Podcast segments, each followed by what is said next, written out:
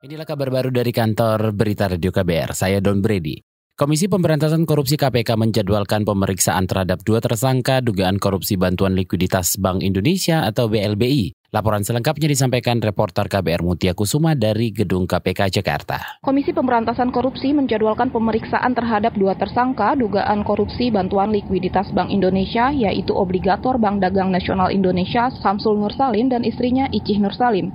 Ini merupakan panggilan kedua setelah sebelumnya kedua tersangka tak hadir pada pemeriksaan 28 Juni lalu. Selain kedua tersangka, KPK juga mendalami perkara ini dengan memanggil ekonom Rizal Ramli sebagai saksi. Ia hadir di KPK pada pukul 10 waktu Indonesia Barat. Rizal memperkirakan penyidik KPK akan memintai keterangannya terkait prosedur penerbitan surat keterangan lunas SKL BLBI. Akibat penerbitan SKL BLBI oleh Syafruddin, negara merugi hingga 4,5 triliun rupiah. Diketahui pada Selasa 9 Juli lalu, Mahkamah Agung mengabulkan permohonan kasasi bekas Ketua BPPN Syafruddin Arsyad Temanggung. Majelis Hakim MA melepas bekas Ketua BPPN itu kendati sebelumnya yang bersangkutan telah difonis 13 tahun penjara dan denda 700 juta rupiah subsidi kurungan 3 bulan penjara pada tingkat pengadilan pertama. Sebelumnya KPK menduga Syafruddin terbukti korupsi dalam penerbitan SKL BLBI. Dari Gedung Merah Putih KPK Mutia Kusuma Wardani untuk KBR.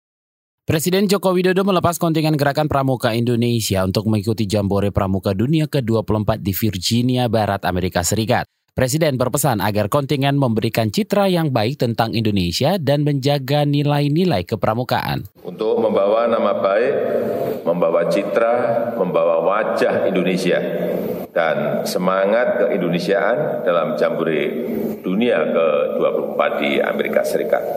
Oleh sebab itu, Gerakan Kepanduan Indonesia harus berperan aktif dalam aktivitas gerakan kepanduan sedunia karena sesuai slogannya, para pramuka menciptakan dunia yang lebih baik.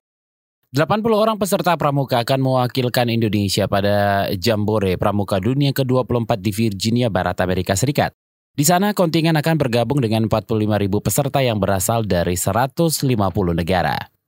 Menteri Koordinator Politik Hukum dan Keamanan Wiranto mengatakan kondisi di Kabupaten Mesuji, Mesuji, Provinsi Lampung berangsur normal dan terkendali.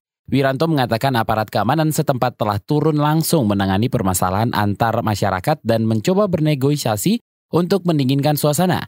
Sebelumnya sejumlah warga terlihat bentrok karena perebutan lahan. Bentrokan ini eh, menimbulkan korban jiwa dan Wiranto menyebutkan sebanyak empat orang meninggal dunia akibat bentrokan itu. Juru bicara Polri Komisaris Besar Asep Adi Saputra mengatakan bentrok dipicu persoalan pengelolaan lahan yang sebetulnya merupakan hutan lindung. Untuk memastikan situasi tetap kondusif, Polri dan TNI menyiagakan 500 personel di sana. Selain itu, polisi juga menggelar patroli siber untuk mencegah penyebaran kabar yang berpotensi memprovokasi. Demikian kabar baru dari kantor Berita Radio KBR, saya Don Brady.